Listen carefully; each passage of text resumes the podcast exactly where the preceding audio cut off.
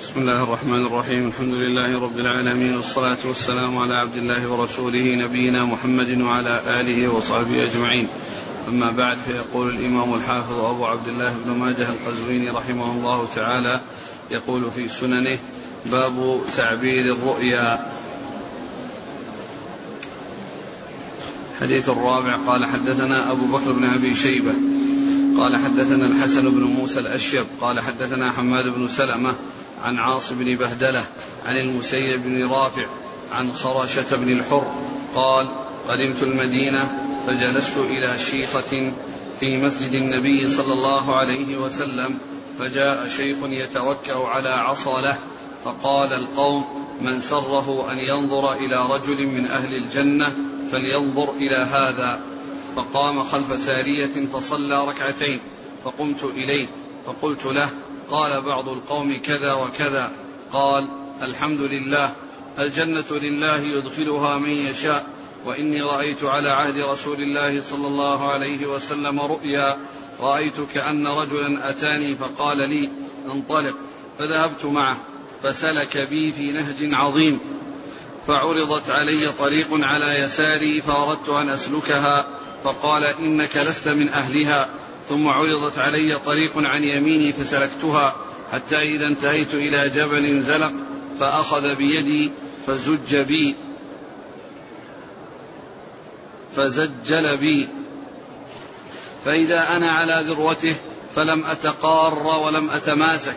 وإذا عمود من حديد في ذروته حلقة من ذهب فأخذ بيدي فزجل بي حتى أخذت بالعروة. فقال استمسكت؟ قلت نعم. فضرب العمود برجله فاستمسكت بالعروة. قال قصصتها على النبي صلى الله عليه وسلم. قال رأيت خيرا. أما المنهج العظيم فالمحشر. وأما الطريق التي عرضت عن, يسارك فطريق أهل النار ولست من أهلها. وأما الطريق التي عرضت عن يمينك فطريق أهل الجنة.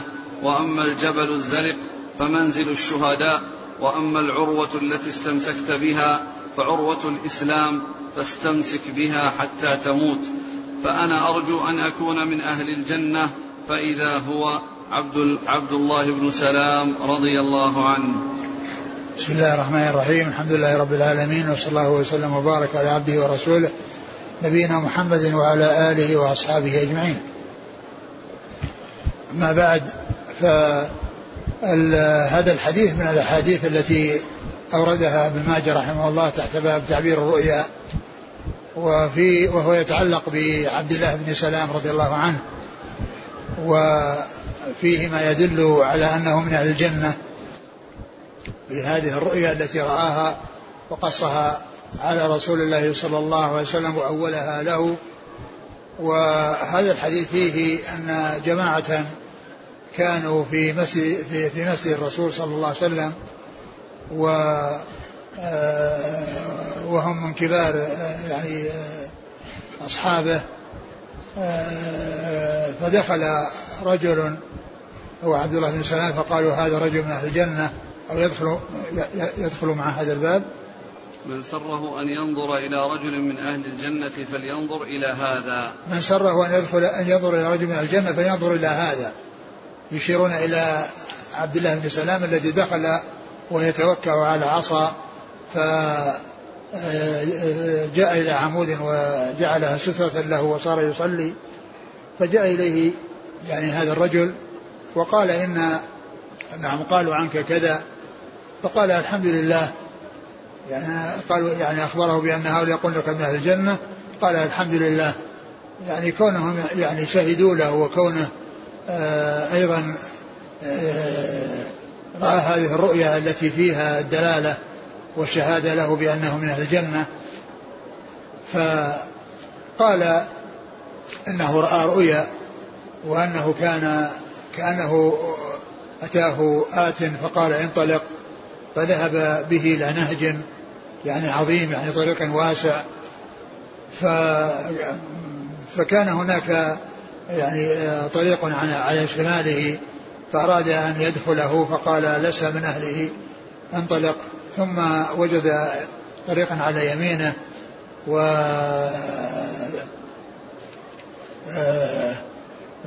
ثم أتي بمكان مرتفع يعني زلق يعني يحصل معه الانزلاق. فارتفع به وساعده حتى ارتفع. وتقار فوق ذلك الجبل الزلق ثم إنه كان هناك عمود قائمة وفيها حلقة من ذهب فارتفع إليها وساعده حتى مسك بتلك العروة وقال يستمسك بها. فقصها على رسول الله صلى الله عليه وسلم فبين له أن هذا المنهج الواسع هو الإسلام هو الإسلام؟ رأيت قال رأيت خيرا. قال رأيت خيرا. قال عليه الصلاة والسلام رأيت خيرا. ثم فسر له هذه الأمور التي رآها. فقال أما المنهج؟ أما المنهج العظيم فالمحشر. أما المنهج العظيم فهو المحشر الذي يحشر الناس فيه يوم القيامة. وأما الطريق الثاني التي على يسار على اليسار فهي فهي النار وليس من أهلها وأما الطريق التي على اليمين فهي الجنة. نعم. نعم. بعدها. وأما الجبل الزلق وأما الجبل الزلق الذي صعد عليه فهو منزل الشهداء أو هو منازل الشهداء. وأما العمود؟ وأما العروة التي استمسكت بها فعروة الإسلام. وأما العروة التي استمسكت بها فعروة الإسلام. فاستمسك بها. حتى تموت. فاستمسك بها حتى تموت. يعني تمسك بهذه العروة ودم على الإسلام حتى تموت كما قال الله عز وجل يا أيها الذين اتقوا الله حق تقاته ولا تموتن إلا وأنتم مسلمون يعني أنه يدوم على الإسلام ويستمر على الإسلام حتى يموت. نعم. انتهى. قال فأنا أرجو أن أكون من أهل الجنة. قال فأرجو أن أكون من أهل الجنة يعني بهذه بهذه الرؤيا التي رآها وقصها على رسول الله عليه الصلاة والسلام وأن النار التي آه، رآها الطريق اللي يوصل إليها عن يساره قال إنك لست من أهل النار. يعني ومعنى ذلك أنه من أهل الجنة. ما دام أنه ليس من أهل النار فإنه من أهل الجنة. وكذلك كونه استمسك بهذه العروة التي هي عروة الإسلام وأنه أوصي بالاستمرار عليها حتى يموت. فهذا فيه آه هذه الرؤيا وتعبيرها وفيها الدلالة على فضيلة لعبد الله بن سلام رضي الله عنه. وأنه من أهل الجنة. نعم. قال حدثنا أبو بكر بن أبي شيبة. ثقة أخرج أصحاب الكتب إلى الترمذي. عن الحسن بن موسى الأشيب وهو ثقة أخرج له. أصحاب الكتب. نعم. عن حماد بن سلمة. ثقة أخرجها البخاري تعليقا ومسلم وأصحاب السنن عن عاصم بن بهدلة. وهو صدوق أخرج أصحاب الكتب وروايته في الصحيحين مقرون. عن المسيب بن رافع. وهو ثقة أخرج أصحاب الكتب. نعم. عن خرشة بن الحر. وهو؟ ثقة أخرج أصحاب الكتب. نعم. عن عبد الله بن سلام. رضي الله عنه أخرج أصحاب الكتب. قال حدثنا محمود بن غيلان قال حدثنا أبو أسامة قال حدثنا بريد عن أبي بردة عن أبي موسى رضي الله عنه عن النبي صلى الله عليه وعلى آله وسلم أنه قال رأيت في المنام أني أهاجر من مكة إلى أرض بها نخل فذهب وهلي إلى أنها يمامة أو هجر فإذا هي المدينة يثرب ورأيت في رؤياي هذه أني هززت سيفا فانقطع صدره فإذا هو ما أصيب من المؤمنين يوم أحد. ثم هززته فعاد أحسن ما كان فإذا هو ما جاء الله به من الفتح واجتماع المؤمنين. ورأيت فيها أيضا بقرا والله خير فإذا هم النفر من المؤمنين يوم أحد. وإذا الخير ما جاء الله به من الخير بعد وثواب الصدق الذي آتانا الله به يوم بدر.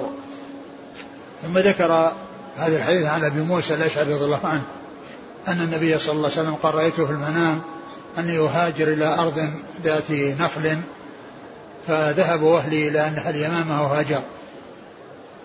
فقيل إنها المدينة يثرب ف إيش بعده؟ يثرب ورأيت في رؤياي هذه أني هززت فهذه الرؤيا رأى أنه آه، يهاجر إلى أرض ذات نخل والنخل في المدينة وفي اليمامة وفي هجر. والنبي صلى الله عليه وسلم ذهب وأهله أي يعني آه، تفكيره أو ظنه أو يعني أن أن المقصود بالأرض التي هي ذات النخل أنها اليمامة أو هجر. وكانت المدينة التي آه، التي هي مدينة الرسول صلى الله عليه وسلم وكانت ذات نخل. وهذا فيه أن أن الرؤيا مطابقة للواقع من جهة أن فيها نخل. لأن البلد الذي يهاجر فيه نخل وكان يظن أن أنه اليمامة أو أنها حجر وكانت المدينة وكل منها فيه نخل. فهذا فيه يعني مطابقة الرؤيا مطابقة الرؤيا للواقع وهو أن التي يهاجر فيها فيها نخل. ثم قال ورأيت أن في يدي سيفا فهززته ف فانقطع. صدره. فانقطع صدره.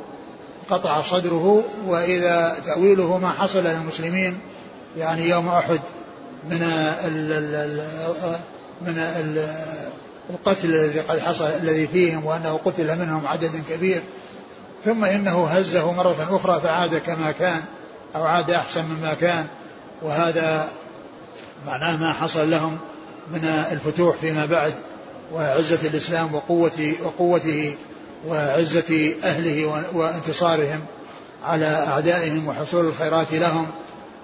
ثم إيش؟ قال ورأيت فيها أيضا بقرا. ورأيت فيها أيضا بقرا.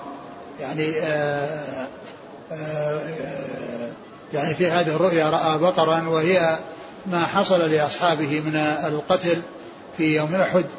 وفي بعض الروايات بقرا تنحر وكان ذلك نحرا في أصحابه. وذلك كان ذلك نحرا في أصحابه. قال والله والله خير. وفسر ذلك بأنه ما حصل لهذه الأمة من الخير إيش التفسير؟ وإذا الخير ما جاء الله به من الخير بعد. وإذا الخير ما جاء الله به من الخير بعد يعني من الفتوحات وانتصار الإسلام وقوته وقوة أهله. وثواب الصدق الذي آتانا الله به يوم بدر. وثواب الصدق الذي آتاهم الله به يوم بدر يعني كونهم آه، صدقوا صدقوا الله وقاموا وأبلغوا بلاء عظيما. فالله عز وجل أثابهم على ما حصل منهم من بأن أعزهم ورفع من شأنهم وفتحت لهم البلاد. وإن كان حصل لهم يعني شيء في أول أمر بالنسبة لأحد من الهزيمة في الأول ثم حصل النصر في الآخر. ولكنه قتل جماعة من أصحاب الرسول صلى الله عليه وسلم وهم عدد كبير رضي الله تعالى عنهم وأرضاهم استشهدوا في هذه الوقعة. نعم. قال حدثنا محمود بن غيلان. ثقة أخرج أصحاب الكتب إلا أبا داود. عن أبي أسامة. حماد بن أسامة ثقة أخرج أصحاب الكتب. عن بريد. بريد بن عبد الله بن أبي بردة ثقة اخرج أصحاب الكتب. عن أبي بردة. عن جده أبي بردة وهو ثقة اخرج أصحاب الكتب. عن أبيه أبي موسى الأشعري رضي الله عنه عبد الله بن قيس أخرج أصحاب الكتب. قال حدثنا أبو بكر بن أبي شيبة قال حدثنا محمد بن بشر قال حدثنا محمد بن عمرو عن أبي سلمة عن أبي هريرة رضي الله عنه أنه قال قال رسول الله صلى الله عليه وعلى آله وسلم رأيت في يدي سوارين من ذهب فنفختهما فأولتهما هذين الكذابين مسيلمة والعنسي.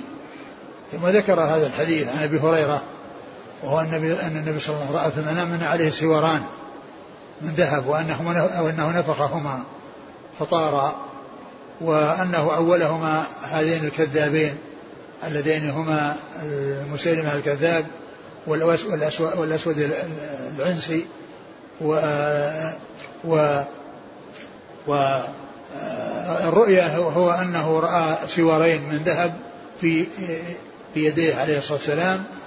ومعلوم أن هذا من الأمور التي غير لائقة في حق الرجال في أنهم يعني يستعملون الأسورة من الذهب لأن الذهب يعني لا يليق بهم.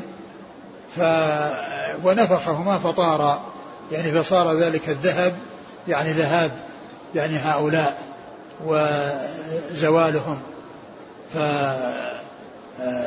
فأول ذلك عليه الصلاة والسلام بهذين الكذابين اللذين اللذين منهم من هلك في حياته صلى الله عليه وسلم وهو العنسي ومنهم من هلك بعد وفاته بوقت يسير وهو مسلمة الكذاب. نعم. قال حدثنا أبو بكر بن أبي شيبة عن محمد بن بشر ثقة أخرج أصحاب الكتب. عن محمد بن عمرو. صدوق أخرج أصحاب الكتب. عن أبي سلمة عن أبي هريرة. أبو سلمة بن عبد الرحمن بن عوف ثقة أخرج أصحاب الكتب. قال حدثنا أبو بكر قال حدثنا معاوية بن هشام قال حدثنا علي بن صالح عن سماك عن قابوس أنه قال قالت أم الفضل رضي الله عنها يا رسول الله رأيت كأن في بيتي عضوا من أعضائك قال خيرا رأيت تلد فاطمة غلاما فترضعيه فولدت حسينا أو حسنا فأرضعته بلبن قثم قالت فجئت به إلى النبي صلى الله عليه وسلم فوضعته في حجره فبال فضربت كتفه. فقال النبي صلى الله عليه وسلم أوجعت ابني رحمك الله. ثم ذكر هذا الحديث عن أم الفضل لبابة بنت الحارث الهلالية زوجة العباس وأم أولاده أنها قالت للنبي صلى الله عليه وسلم أنها رأت أن عضوا من أعضائه دخل بيته من أعضاء الرسول صلى الله عليه وسلم دخل بيته فقال نعم. دخل بيتها. دخل بيتها. أن عضوا من أعضاء الرسول صلى الله عليه وسلم دخل بيتها فقال آه تلد فاطمة ولدا وترضعينه وترضعينه فيكون ابنا لها. من الرضاع فولد حسن أو حسين فأرضعته وجاءت به إلى النبي صلى الله عليه وسلم وأجلسه في حجرة فبال فيعني ضربته أو يعني بيدها على كتفه فقال أوجعت ابني ابني رحمك الله. والحاصل أن يعني هذه الرؤيا التي رأتها وهي أن جزءا من أجزائه دخل في بيتها أول ذلك بدخول أحد أبنائه لترضعه وأنها أرضعته. نعم.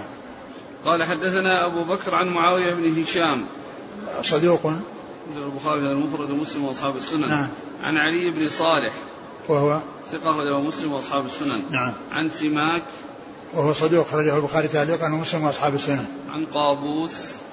قابوس بن أبي المخارق. وهو؟ لا بأس به. نعم. خرج أبو داود النسائي بن ماجه. نعم. عن أم الفضل.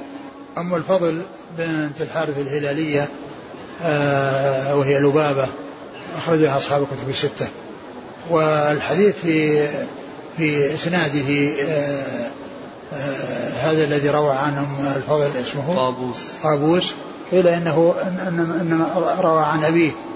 وقيل إنه مرسل.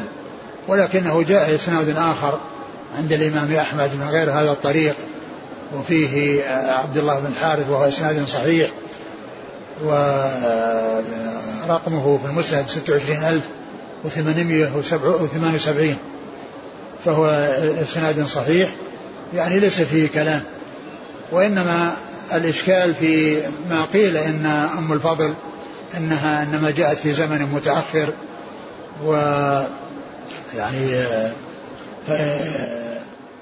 فإن صح أن أن أن أن, أن إسلامها وأن مجيئها في زمن متأخر فيكون فيه إشكال يعني من حيث الواقع. وأما من حيث الإسناد فإن الإسناد الذي عند الإمام أحمد من طريق من غير هذا الطريق الذي فيه الكلام هو طريق صحيح. ورجاله ثقات. وهو متصل ولا انقطاع فيه.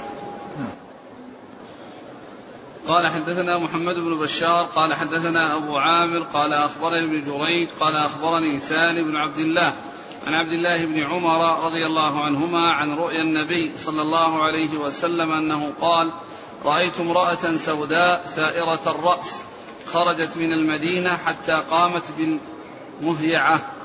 مهيعة. بالمهيعة. وهي الجحفة. فأولتها وباء بالمدينة فنقل إلى الجحفة. ثم ذكر هذا الحديث عن ابن عمر أن النبي صلى الله عليه وسلم رأى امرأة سوداء يعني ثائرة الرأس خرجت من المدينة حتى يعني وصلت إلى مهيعة ومهيعة هي الجحفة. فأولها الوباء والحمى التي في المدينة وأنها ينقلها الله عز وجل إلى ذلك المكان. فهذا هو فهذه هي رؤيا رسول الله صلى الله عليه وسلم وهذا هو تأويلها الذي أولها به عليه الصلاة والسلام. نعم. قال حدثنا محمد بن بشار هو بن دار ثقة أخرج أصحاب الكتب. عن أبي عامر. وهو العقدي وهو ثقة أخرج أصحاب الكتب. نعم. نبه المزي أن الصواب أبو عاصم. إيه. أبو عاصم وأبو عامر كل منهما ثقة وكل منهما أخرج له أصحاب الكتب الستة. عن ابن جريج. وهو عبد الملك بن عبد العزيز بن جريج ثقة أخرج أصحاب الكتب. عن سالم بن عبد الله. وهو ثقة أخرج أصحاب الكتب. عن عبد الله بن عمر. نعم. قال حدثنا محمد بن رمح قال أنبانا الليث بن سعد عن ابن الهاد عن محمد بن إبراهيم التيمي عن أبي سلمة بن عبد الرحمن عن طلحة بن عبيد الله رضي الله عنه أن رجلين من بني قدما على رسول الله صلى الله عليه وسلم وكان إسلامهما جميعا فكان أحدهما أشد اجتهادا من الآخر فغزا المجتهد منهما فاستشهد ثم مكث الآخر بعده سنة ثم توفي. قال طلحة فرأيت في المنام بين أنا عند باب الجنة إذا أنا بهما فخرج خارج من الجنة فأذن للذي توفي الآخر منهما ثم خرج. فأذن للذي استشهد ثم رجع إليه فقال ارجع فإنك لم لم يأن لك بعد. ثم ذكر هذا الحديث. فأصبح طلحة يحدث به الناس فتعجبوا لذلك فبلغ ذلك رسول الله صلى الله عليه وسلم وحدثوه الحديث. فقال من أي ذلك تعجبون؟ فقالوا يا رسول الله هذا كان أشد الرجلين اجتهادا ثم استشهد. ودخل هذا الآخر الجنة قبله فقال رسول الله صلى الله عليه وسلم أليس قد مكث هذا بعده سنة؟ قالوا بلى. قال وأدرك رمضان فصامه وصلى كذا وكذا من سجدة في السنة؟ قالوا بلى. قال رسول الله صلى الله عليه وعلى آله وسلم فما بينهما أبعد مما بين السماء والأرض. ثم ذكر هذا الحديث عن طلحة بن عبيد الله رضي الله عنه أنه رأى في منامه أن رجلين أحدهما كان مجتهد في العبادة وأنه استشهد والثاني آه، ليس كذلك ولكنه عاش بعده سنة ومات. فرأى في المنام يعني رأى طلحة في المنام هذين الرجلين اللذين يعني يعرفهما وقال إنهم كانوا على باب الجنة.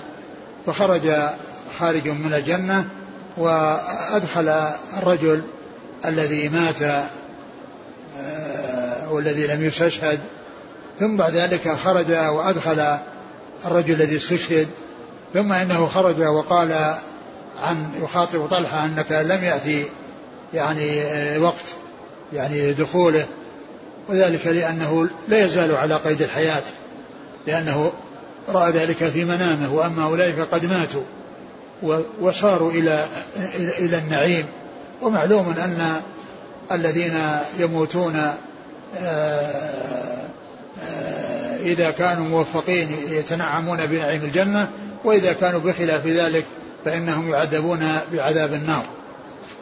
فكانت الرؤيا التي رآها آه، أن الذي استشهد تأخر دخوله الجنة والذي لم يستشهد والذي مات عقب صاحبه على فراشه دخل الجنة قبله. فعرض ذلك على الرسول صلى الله عليه وسلم وقال مما تعجبون وكانوا يتعجبون من كون الذي مجتهد في العبادة وقد استشهد تأخر دخوله الجنة وذاك الذي ليس مثله والذي مات على فراشه بعده بسنة دخل قبله. فقال أليس عاش بعده سنة؟ وصلى ما صلى من الركعات وصام رمضان. يعني أن هذه زيادة أعمال. وهذا يدلنا على أن الإنسان إذا طال عمره وحسن عمله فهو على خير وأن كل يوم يمضي عليه يؤدي عبادات ويقوم بطاعات لله سبحانه وتعالى فإن ذلك زيادة في حسناته ورفعة في درجاته. ولهذا قال عليه الصلاة والسلام خيركم من طال عمره وحسن عمله. لأن الإنسان في حياته إذا كان مستقيما على أمر الله كل وقت يمضي عليه هو في خير وكل آه، ساعات تمر عليه هو في يستعملها في طاعة الله وذلك زيادة في حسناته ورفعة لدرجاته. فبين صلى الله عليه وسلم أن هذا التفاوت الذي بين هذا الذي الذي استشهد وهذا الذي تأخر تأخرت وفاته أن ذلك بسبب الأعمال التي عملها بعد موت ذلك الذي مات والذي استشهد من صيام رمضان ومن الصلوات التي صلاها وكذلك الأمور الأخرى التي تقرب إلى الله عز وجل بها. نعم. قال حدثنا محمد بن رمح. ثقة أخرجه مسلم وابن ماجه. عن الليث بن سعد. وهو ثقة أخرج أصحاب الكتب. عن ابن الهاد. وهو محمد وعبد الله بن يزيد. يزيد بن عبد الله. يزيد بن عبد الله بن الهاد وهو ثقة أخرج أصحاب الكتب. عن محمد بن إبراهيم التيمي. وهو ثقة أخرج أخرج أصحاب الكتب. عن أبي سلمة بن عبد الرحمن. وهو ثقة أخرج أصحاب الكتب. عن طلحة بن عبيد الله. رضي الله عنه وهو أحد العشرة المبشرين بالجنة وأخرجه أصحاب الكتب وقيل إن فيه انقطاع بين بين أبي سلمة وطلحة. ولكنه جاء من طرق أخرى يعني ما يؤيده ويشهد له عن أبي هريرة وعن غيره فيكون الحديث يعني لا يؤثر فيه هذا الانقطاع الذي في هذه الطريق التي ذكرها ابن ماجه نعم. قال حدثنا علي بن محمد قال حدثنا وكيع قال حدثنا أبو بكر الهذلي عن ابن سيرين عن أبي هريرة رضي الله عنه أنه قال قال رسول الله صلى الله عليه وسلم أكره الغل وأحب القيد. ثم ذكر نعم. أكره الغل. أكره الغل. نعم. وأحب القيد. القيد ثبات في الدين. ثم ذكر هذا الحديث عن النبي صلى الله عليه وسلم وأنه قال أكره الغل يعني في المنام. لأن الغل يعني آه، علامة أهل النار أنهم يسحبون يعني بالأغلال. يعني إلى النار ويحب القيد لأن القيد فيه ثبات وفيه آه، آه، استمساك. مثل البعير إذا قيد إذا عقلت يده فإنه يعني أصحابه يستفيدون من يسلمون من ضياعه ويطمئنون على بقائه وعلى عدم ضياعه. يعني فيكون في ذلك يعني القيد يعني فيه فائدة وفيه مصلحة. بخلاف الغل فإنه يكون في العنق وهو يعني علامة أهل النار أنهم يصحبون يعني إلى النار في والأغلال في أعناقهم. والحديث آه، إضافته إلى الرسول صلى الله عليه وسلم يعني غير صحيح ولكنه صحيح آه، موقوف إما على إما على آه، عمر بن محمد سيرين والصحابي أبو هريرة. نعم. إما على أبي هريرة وإما على ابن سيرين. يعني أنه موقوف عليهما فهو متفق عليه موقوفا. وأما كونه مرفوعا فهذا يعني لم يثبت وهو غير صحيح. و وإنما الثابت أنه موقوف على إما أبي هريرة وإما ولهذا جاء في بعض الروايات أنهم كانوا يكرهون يكرهون الغل. يكرهون. يعني يعني هذا كلام أبي هريرة وكلام محمد بن سيرين. الحاصل أن الحديث لا يثبت مرفوعا ولكنه ثابت موقوفا إما على أبي هريرة وإما على محمد بن سيرين. إما على الصحابي وإما على التابعي. نعم. قال حدثنا علي بن محمد الطنافسي أخرج حديث النسائي في مسجد علي وابن ماجه. عن وكيع ثقة أخرج أصحاب الكتب. عن أبي بكر الهذلي وهو متروك. وهو ابن ماجه. نعم. عن ابن سيرين. محمد بن سيرين ثقة أخرج أصحاب الكتب. عن أبي هريرة. رضي الله عنه. نعم. قال رحمه الله تعالى كتاب الفتن باب الكف عمن قال لا إله إلا الله. قال حدثنا أبو بكر بن أبي شيبة قال حدثنا أبو معاوية وحفص بن غياث. عن الأعمش عن أبي صالح عن أبي هريرة رضي الله عنه أنه قال قال رسول الله صلى الله عليه وسلم أمرت أن أقاتل الناس حتى يقولوا لا إله إلا الله فإذا قالوها عصموا مني دماءهم وأموالهم إلا بحقها وحسابهم على الله عز وجل. ثم ذكر بعد ذلك آه، بعد كتاب التعبير كتاب الفتن والفتن يعني ما يحصل من مصائب وبلاء وأمور يعني غريبة و يعني تحصل في آخر الزمان. وأورد فيه أبوابا كثيرة. أولها باب الكف عن من قال لا إله إلا الله. يعني أن من قتل وقال لا إله إلا الله فإنه يكف عن قتاله. ولا يقتل لأنه أظهر ما يدل على إسلامه.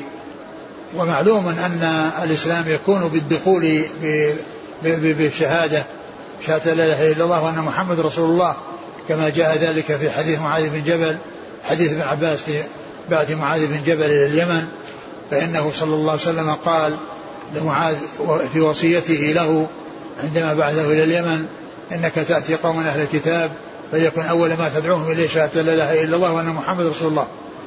فإنهم أجابوك لذلك فأعلمهم أن الله فرض عليهم صدقة في خمس صلوات في كل يوم وليلة. فإنهم أجابوك لذلك فأعلمهم أن الله فرض عليهم صدقة في أموالهم تؤخذ من أغنيائهم وترد على فقرائهم. فبدأ بالأهم فالأهم بدأ بالتوحيد وشهادتين لله عز وجل اللذين هما الأساس لغيرهما وكل عمل يعمل ليس مبنيا عليهما فإنه آه، لا عبرة به ولا قيمة له وهو مردود على صاحبه لقول الله عز وجل وقدمنا إلى ما عملوا من عمل فجعلناه هباء منثورا. ثم ورد هذا الحديث عن أبي هريرة أن النبي صلى الله عليه وسلم قال أمرت أن أقاتل الناس حتى يقولوا لا إله إلا الله فإذا قالوها عصموا مني دماءهم وأموالهم إلا بحقها وحسابهم على الله عز وجل. ومعنى ذلك أن الكافر يعني إذا نطق بالشهادة وقال لا إله إلا الله وأتى بكلمة التوحيد فإنه يكف عن قتله. إذا قتل الكفار وفيهم آه، شخص قال لا إله إلا الله وقال أشهد أن لا إله إلا الله فإنه يكف عن قتله ولا يقتل لأنه نطق بالشهادة ودخل في الإسلام على حسب ما يظهر لأن الناس لهم الظاهر والسرائر علمها عند الله عز وجل. ولهذا المنافقون يعني ينطقون الشهادتين ويظهرون ذلك وبواطنهم تخالف ذلك والناس لهم الحكم بالظاهر والبواطن أمرها إلى الله سبحانه وتعالى. والبواطن أمرها إلى الله سبحانه وتعالى. فهذا في فيه قال أمرت أن أقاتل الناس حتى يقول لا, لا إله إلا الله. والرسول عليه الصلاة والسلام إذا قال أمرت فالآمر له هو الله. وأما الصحابة إذا قالوا أمرنا بكذا أو نهينا عن كذا فالآمر لهم الناهي رسول الله صلى الله عليه وسلم. ومعلوم أن أمر النبي صلى الله عليه وسلم ونهيه إنما هو تبليغ عن الله لأن الرسول عليه الصلاة والسلام ليس هو الذي يأتي بالشرع من عنده وإنما يأتي به من عند الله. وهو مبلغ عن الله هو رسول. والرسول هو المبلغ الذي يبلغ الرسالة. ولهذا الشرع هو من الله. والتبليغ من رسول الله عليه الصلاة والسلام. كما قال الله عز وجل شرع لكم من الدين ما وصى به نوحا والذي أوحينا إليك. فما ما أوحاه الله على رسوله هو هو, هو ما جاء ما ما ما جاء إلى جبريل ما جاء به جبريل إلى رسول الله عليه الصلاة والسلام من القرآن والسنة كله من الله عز وجل. فالسنة من الله كما أن القرآن من الله. ف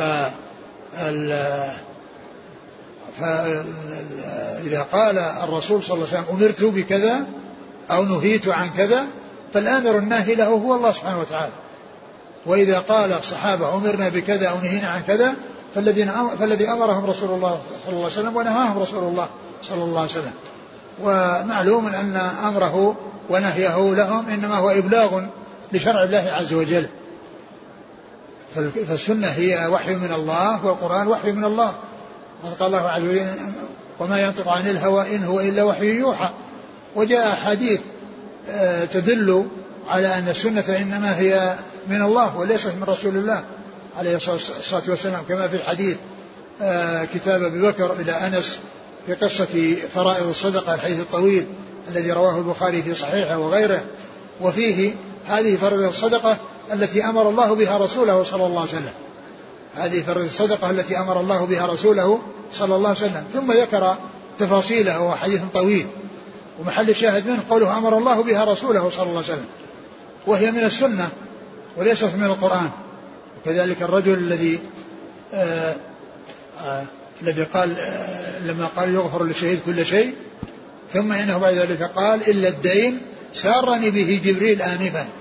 يعني أن جبريل جاء بهذا الاستثناء وأنه يعني الدين أن هذا أنه على على الشهيد وأنه يطالب به وأصحاب الحقوق الذين لهم الديون هم يعني آه، لهم حقوقهم ولهم ديونهم. فالحاصل أن أن أن ما جاء به الرسول صلى الله عليه وسلم من السنة هو من الله عز وجل وليس من عنده عليه الصلاة والسلام. أمرت أن أقاتل الناس حتى يقولوا لا إله إلا الله فإذا قالوها عصموا مني؟ حديث. دماءهم وأموالهم إلا بحقها. عصموا مني دماءهم وأموالهم إلا بحقها. يعني إلا بحق لا إله إلا الله.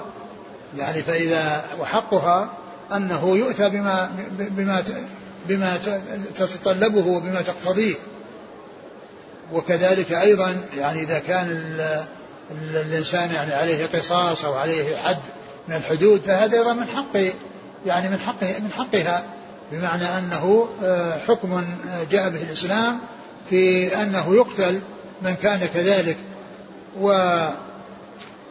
و آه، أما من ناحية الكافر الذي شهد لا إله إلا الله فإنه يكف عنه لأنه ظهر منه ما يدل على إسلامه وإن كان الخلاف وإن كان ما في قلبه يخالف ذلك فالناس لهم الظواهر وليس لهم آه، بواطن لهم ظواهر الأمور وليس لهم بواطن القلوب.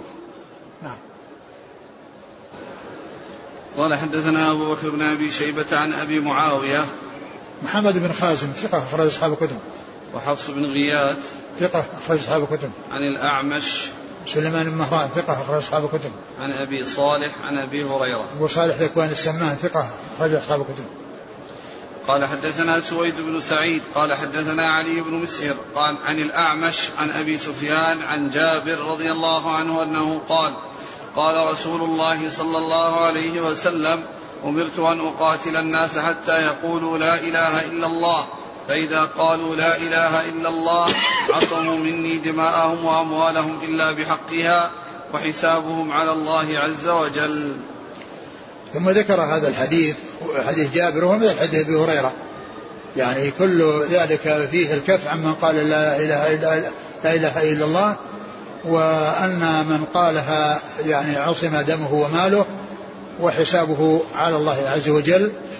يعني ان أنه إذا كان آه، فيه شيء يعني يخالف الظاهر فأمره إلى الله عز وجل. هو الذي يحاسب إذا كان منافقا وكان يبطن الكفر ويظهر الإيمان فحسابه على الله عز وجل الذي يعلم البواطن. ومعلوم أن المنافقين ومن مات على النفاق الاعتقادي فإنه يكون من أهل الدرك الأسفل من النار كما أخبر الله عز وجل في ذلك في كتابه العزيز.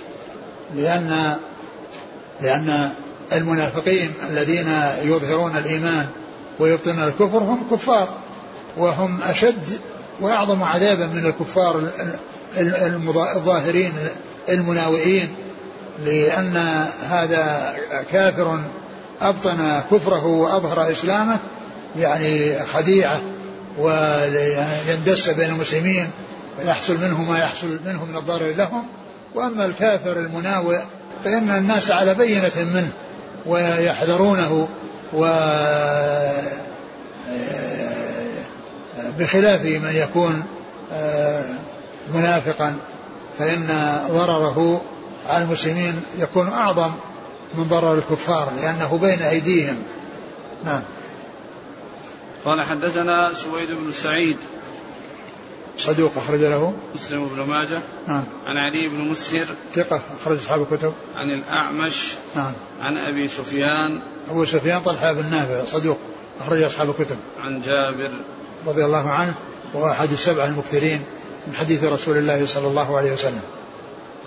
قال حدثنا أبو بكر بن أبي شيبة قال حدثنا عبد الله بن بكر السامي قال حدثنا حاتم بن أبي صغيرة عن النعمان بن سالم أن عمرو بن أوس أخبره أن أباه أوسا رضي الله عنه أخبره قال إنا لقعود عند النبي صلى الله عليه وسلم وهو يقص علينا ويذكرنا إذ أتاه رجل فساره فقال النبي صلى الله عليه وسلم اذهبوا به فاقتلوه.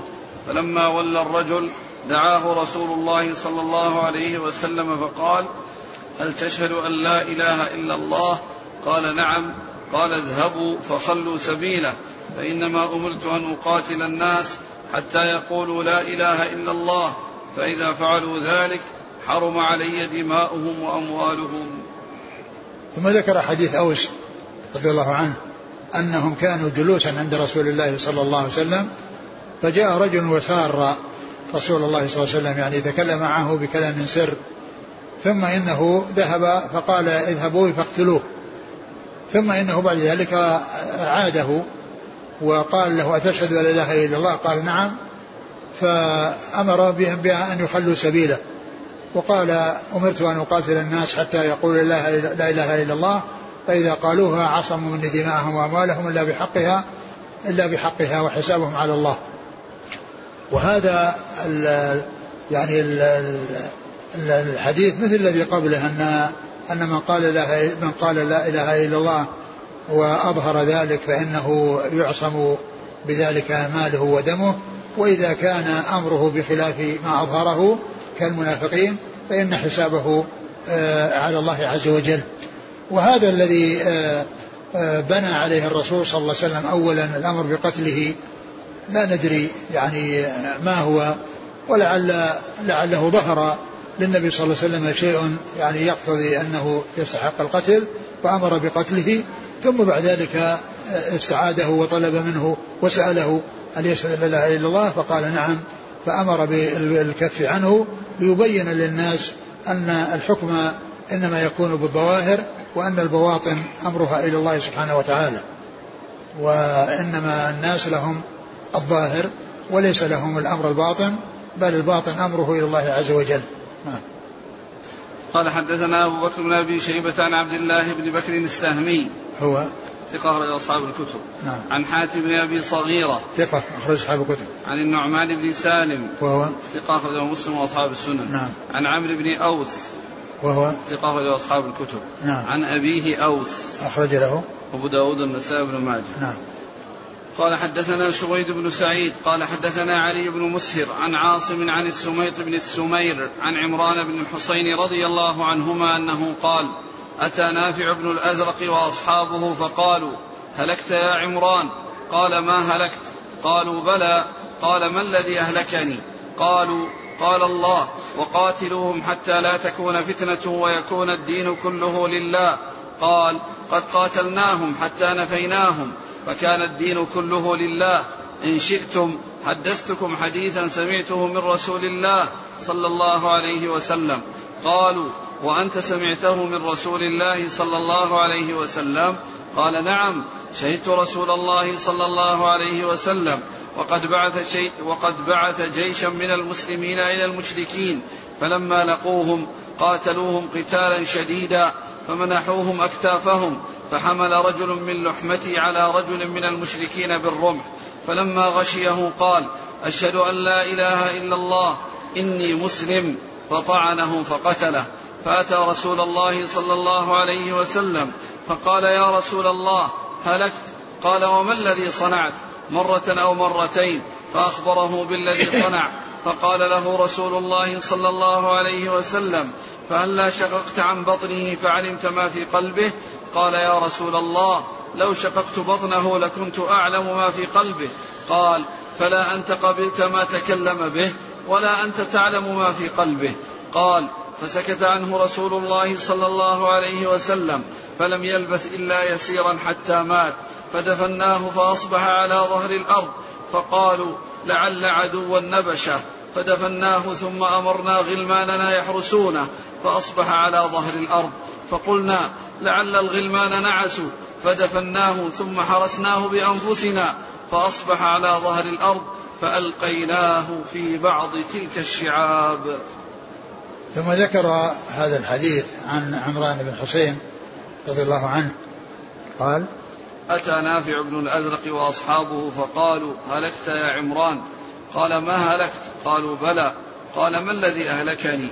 قالوا قال الله وقاتلوهم حتى لا تكون فتنة ويكون الدين كله لله. قال قد قاتلناهم حتى نفيناهم فكان الدين كله لله. يعني يعني هؤلاء اللي هو نافع بن الأزرق وأصحابه قالوا لعمران بن حسين إنك هلكت. قال وما الذي هلكني؟ قالوا إنكم إن الله يقول وقاتلهم حتى لا تكون فتنة ويكون الدين لله. وقال فقال إنا قاتل قاتلناهم حتى نفيناهم وكان الدين لله. وكان الدين ثم إنه حدثهم حدثهم بحديث فقال قالوا أنت سمعته من رسول الله صلى الله عليه وسلم؟ قال نعم. قال إيش؟ شهدت رسول الله صلى الله عليه وسلم وقد بعث جيشا من المسلمين إلى المشركين فلما لقوهم قاتلوهم قتالا شديدا فمنحوهم أكتافهم يعني الرسول صلى الله عليه وسلم بعث جيشا إلى المشركين فقاتلوهم وحتى يعني ما حتى حتى حتى إيش؟ حتى منحوه منحوهم أكتافهم يعني معناها انتصروا عليهم وغلبوا عليهم و فقال فقال فقال, فقال فجاء فعمل رجل من فعمل رجل من لحمته يعني من قرابته. من قرابة عمران بن حسين لحمته يعني من قرابته. إلى رجل من المشركين فلما أقبل عليه حمل عليه بالرمح فلما غشيه قال أشهد أن لا حمل عليه بالرمح يعني على هذا الرجل من المشركين. فلما يعني غشيه يعني يعني وصل إلى قتله قال أشهد أن لا إله إلا الله. ثم إنه قتله. فجاء إلى النبي صلى الله عليه وسلم وقال هلكت قال وما لك؟ قال عملت كذا وكذا. قال أشققت عن قلبه حتى عرفت ما فيه. قال إنه لم يشقق عن قلبه. لم يشقق عن قلبه. قال لو شققت بطنه لكنت أعلم ما في قلبه نعم لو كنت لو شققت بطنه لكنت أعلم ما في قلبه. فقال فلا أنت قبلت ما تكلم به ولا أنت تعلم ما في قلبه نعم قال عليه الصلاة والسلام فلا أنت قبلت ما تكلم به والشهادة ولا أنت تعلم ما في قلبه. ثم إنه لم يلبث إلا يسيرا حتى مات. فدفنوه فلفظت في الأرض. ثم إنهم قالوا لعل عدوا أخرجه. فأمروا غلمانهم بأن فدفنوه وأمروا غلمانهم بأن يحرسوه. فلفظت في الأرض. فقالوا لعلهم ناموا وأنه جاء أحد واستخرجه ثم إنهم فعلوا ذلك بأنفسهم وجلسوا يحرسونه فظهر على على على ظهر الأرض فألقوه في يعني بعض الشعاب. يعني معنى ذلك أن أنه لهذه العقوبة التي عقوبة على هذا الذي حصل منه الله عز وجل أراد أن يظهر يعني للناس يعني نتيجة هذا العمل وخطورة هذا العمل وذلك ليتعظ الناس وليعتبر الناس. ومعلوم أنه وجد من بعض الناس من يحصل منه أعظم من هذا العمل ومع ذلك ما حصل. ولكن الله عز وجل شاء أن يحصل لهذا الرجل الذي حصل منه هذا العمل حتى يكون عبرة لغيره وحتى يعلم يعني خطورة آه، قتل من آه، شهد أن لا إله إلا الله فإنه يعصم بذلك دمه وماله ومن أقدم على ذلك فإنه يكون جنى على نفسه بفعله شيئا لا يجوز له آه، فعله. نعم. قال حدثنا سويد بن سعيد. صدوق. أخرج له.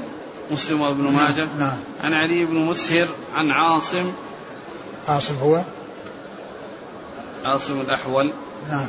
وهي أصحاب الكتب. نعم. عن السميط بن السمير. وهو؟ صدوق في البخاري المفرد ومسلم والنسائي بن ماجه. نعم. عن عمران بن الحصين. رضي الله عنه. أخرج له أصحاب الكتب. هؤلاء. والطريق الثاني؟ لكن نافع بن الأزرق وأصحابه. جاءوه ليستدلوا على فكرهم. نعم نعم. الخوارج نعم. قال حدثنا إسحاق بن قال حدثنا إسماعيل بن حفص الأبلي. وهو؟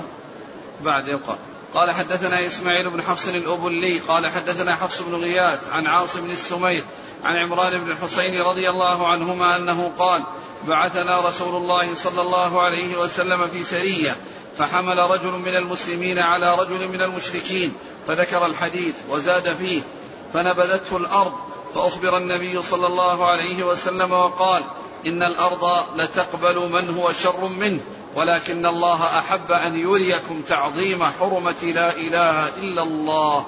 ثم ذكر الحديث من طريق أخرى ومثل الذي قبله وفيه الزيادة التي فيها أن الله أن الأرض تقبل من هو شر منه ولكن الله أراد أن يظهر لهم حرمة لا إله إلا الله وأن من قالها يحرم دمه وماله وأنه يكون بذلك معصوم الدم والمال وأنه لا يجوز قتله وقد ظهر منه الدخول في الإسلام لأن الناس لهم الظاهر لا, لا الباطن.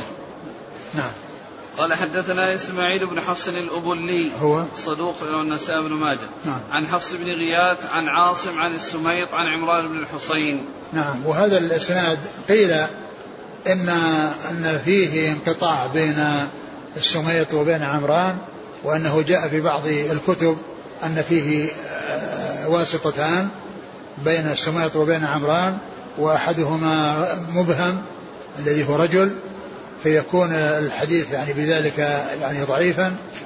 ولكن السميط هذا من الطبقة الثالثة ويعني فإن صح يعني سماعه من أبي هريرة من من عمران بن حسين. فإن الحديث يعني يكون مستقيما وإن كان آه، فيه ذلك الانقطاع الذي فيه الواسطتان في بعض طرق الحديث في بعض الكتب بين السميط وبين عمران فيكون بذلك معضلا يعني إنه سقط منه اثنان فيكون بذلك ضعيفا. لكن إن كان السميط روى وسمع من عمران بن حسين فإن آه، وجوده في بعض النسخ أن فيه واسطتان لا يؤثر لأن لأنه قد يروي عن غيره بواسطة ثم يروي عنه بواسطة. نعم. قال رحمه الله تعالى باب حرمة دم المؤمن وماله. قال حدثنا هشام بن عمار قال حدثنا عيسى بن يونس قال حدثنا الأعمش عن أبي صالح عن أبي سعيد رضي الله عنه أنه قال قال رسول الله صلى الله عليه وعلى آله وسلم في حجة الوداع ألا إن أحرم الأيام يومكم هذا؟ ألا وإن أحرم الشهور شهركم هذا؟ ألا وإن أحرم البلد بلدكم هذا؟ ألا وإن دماءكم وأموالكم عليكم حرام كحرمة يومكم هذا؟ في شهركم هذا؟ في بلدكم هذا؟ ألا هل بلغت قالوا نعم قال اللهم اشهد والله تعالى أعلم وصلى الله وسلم وبارك على عبده ورسوله نبينا محمد وعلى آله وأصحابه أجمعين. جزاكم الله خيرا وبارك الله فيكم. الله الصواب وفقكم للحق. نفعنا الله ما سمعنا وغفر الله لنا ولكم وللمسلمين أجمعين. آمين. يقول هل يدخل في الحديث أمرت أن أقاتل الناس حتى يقولوا لا إله إلا الله؟ هل يدخل فيه أهل الجزية؟ فإنهم يدفعونها دون أن يقولوا لا إله إلا الله ولا يقتلون. أهل الجزية أهل أهل الجزية هم أهل دين يعني اللي هم اليهود النصارى يعني عندهم دين. ولهذا يعني عوملوا معاملة تخصهم بأن أحلت ذبائحهم. وكذلك نساؤهم للمسلمين ويعني وأخذت منهم الجزية لأنهم ينتمون إلى دين فبقاؤهم تحت حكم الإسلام ومشاهدة أحكام الإسلام يكون ذلك سببا في دخولهم في الإسلام وهدايتهم وخروجهم من الدين الذي هم عليه إلى الدين الحق. فيعني هؤلاء جاءت النصوص الأخرى دالة على أنهم إذا دفعوا الجزية أنهم يقرون يعني يقرون وأنه يكف عنهم ويبقون تحت ولاية المسلمين ولهم أحكام تخصهم جاءت في الكتاب والسنة.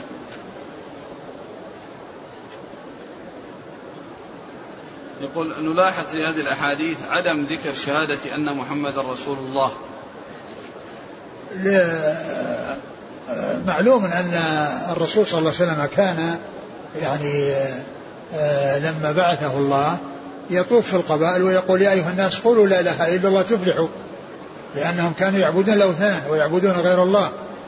ومن شهد أن لا إله إلا الله فشهادة أن محمد رسول الله ملازمة لها لأنه لأن الشهادتين متلازمتان لا تنفك إحداهما عن الأخرى. فالرسول صلى الله عليه وسلم كان يقول قولوا لا إله إلا الله لأنهم كانوا يعبدون مع الله غيره. وإذا شهدوا أن لا إله إلا الله استجابة لدعوته فإنهم سيشهدون بأنه محمد رسول الله عليه الصلاة والسلام. يقول ألا يقال إن الحديث صحيح قصة الأخيرة الذي قتل فنبذته الأرض؟ يقول ألا يقال إن الحديث صحيح في قصة هذا الذي لفظته الأرض؟ لكن قصة لفظ الأرض للقاتل ضعيفة ويشهد للحديث إيش, إيش؟ لكن؟ لكن قصة لفظ الأرض للقاتل ضعيفة. يشهد للحديث قصة قتل أسامة لمن قال لا إله إلا الله ولم تحدث له تلك القصة. لا ما يقال يعني ليس بلازم أن يكون كل كل من حصل منه يعني تحصل له القصة. إذا حصلت في بعض الأحوال يعني للعبرة والاتعاظ آه، ممكن. المهم أنه يثبت. المهم أنه, أنه يثبت يعني. الحديث هذا جاء من طريق واحد كل من طريق السميط عن عمران. فإن كان متصلا الحديث صحيح وإن كان منقطعا كما جاء عند بعض العلماء أصحاب الحديث أن ساق واسطتان بين السميط وبين عمران بن حسين فيكون الحديث يعني غير صحيح.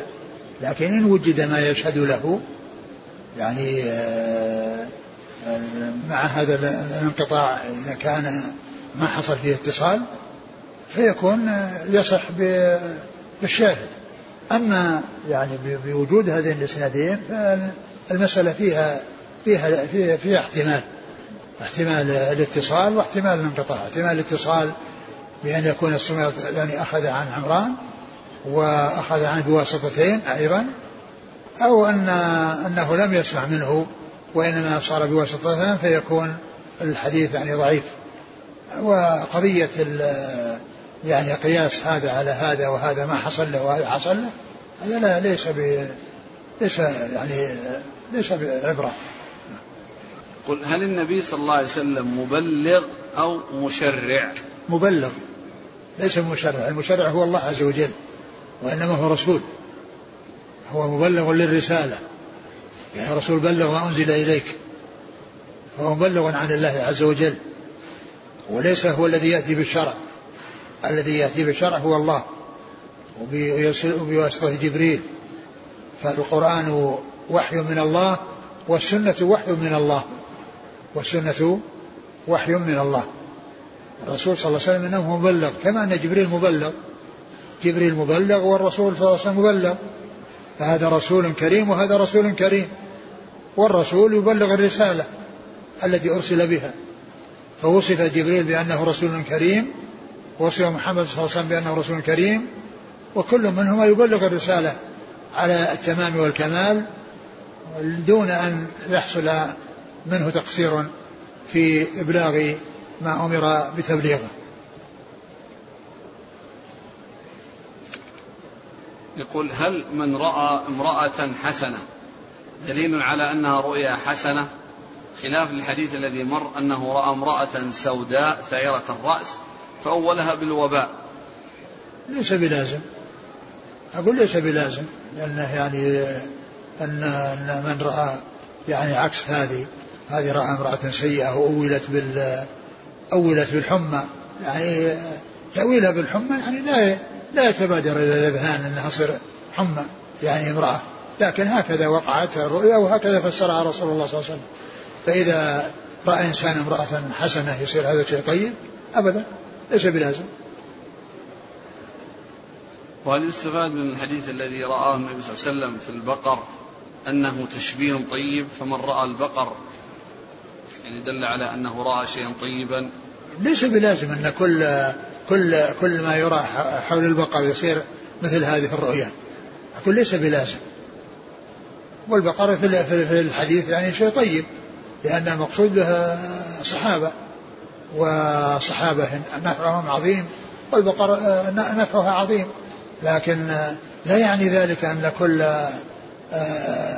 رؤيا تحصل لبقرة أو كذا. يعني تكون مثل مثل هذه. يقول هل يمكن القول بأن هناك أناس يعذبون الآن في النار وكذا في الجنة من ينعم قبل قبل يوم القيامة؟ نعم. هذا حديث حديث حديث البراء بن عازب الطويل الذي فيه يعني ما يجري عند الموت وفي مسند الإمام أحمد وغيره قال إنه يعني عندما يسأل ويوفق في الجواب أو يعني لا يوفق في الجواب بعد ذلك يفتح له باب إلى الجنة فيأتيه من روحها ونعيمها وذاك يفتح له باب إلى النار فيأتيه من حرها وسمومها. والرسول صلى الله عليه وسلم رأى المرأة التي تعذب في النار بسبب الهرة وكذلك أيضا ما قال الله عز وجل عن آل فرعون النار يعرضون عليها غدوا وعشيا يعني وهم في القبور. ويوم تقوم الساعة أدخلوا آل فرعون أشد العذاب. يعني عندما يحصل البعث والنشور وخروج الناس من القبور ينتقل الكفار من عذاب شديد إلى عذاب أشد. فالمنعم منعم في الجنة الآن والمعذب معذب في النار الآن.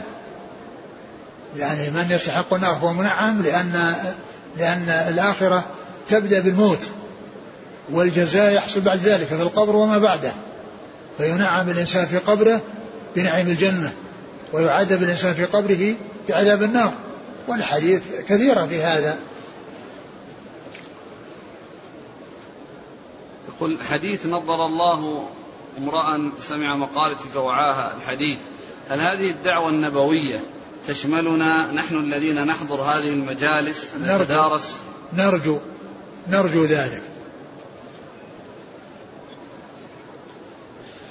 يقول أنا رجل أخرج في سبيل الله مع جماعة الدعوة والتبليغ ولكن أبي يعارضني معارضة شديدة فماذا أفعل؟ أبد أطع أباك واجلس عند أهلك وتفقه في الدين وتعلم العلم النافع واخدم أبويك إذا كانوا يحتاجون إلى خدمتك ولا تخرج مع هؤلاء.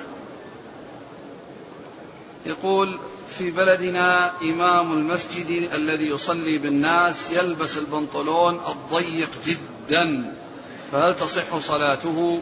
الصلاة تصح لكن ما ينبغي أن يعني يلبس هذا اللباس ولا ينبغي أن يكون يعني إمام وهو بهذه الصفة وإنما عليه أن أن يلبس يعني لباس واسع. إن بقي على هذا اللباس فليوسعه. يعني ما يبقى يعني ضيقا. يعني يصف ال ال ال يصف يعني ما داخله من من الأمام ومن الخلف في الأحجام. نعم. يقول آه، ما حكم الضمان الاجتماعي وصورته أنهم يأخذون من أجورنا مبلغا معينا؟ فإذا اشترينا الدواء مثلا ارجعوا لنا 80% من قيمة الدواء. فهل يجوز لنا أخذ هذا المبلغ؟ إيش السؤال؟ الضمان الاجتماعي يأخذون من أجورنا من الراتب مبلغا معينا ثم إذا اشترينا الدواء مثلا أرجعوا لنا 80% من قيمة الدواء. والله إذا كان هذا الضمان اللي يأخذونه منكم من أجل أنهم يعني يساعدونكم في في, في, في الدواء هذا له وجه بس بقي فيه إشكال وهو أن أن الدواء قد يكون يعني غالي وقد يكون رخيص. وقد يكون ما أخذوه منكم يعني يكون قليلا أو يكون ذاك أكثر منه يعني ففيه اشتباه. أما الضمان الذي يكون للإنسان إذا ترك العمل بمعنى أنهم يشون له يعني مقدار معين بسبب ما يأخذون ما أخذوا منه هذا لا بأس به. أما هذا ففيه إشكال من ناحية أن أن أن أنهم يأخذون شيء من أجل العلاج وقد يكون العلاج يتطلب شيئا كثيرا وقد يكون يتطلب شيئا قليلا فيكون غير معلوم آه، آه، التناسب بين ما يأخذونه وبين ما يدفعونه. جزاكم الله خيرا. سبحانك الله وبحمدك أشهد أن لا إله إلا أنت أستغفرك.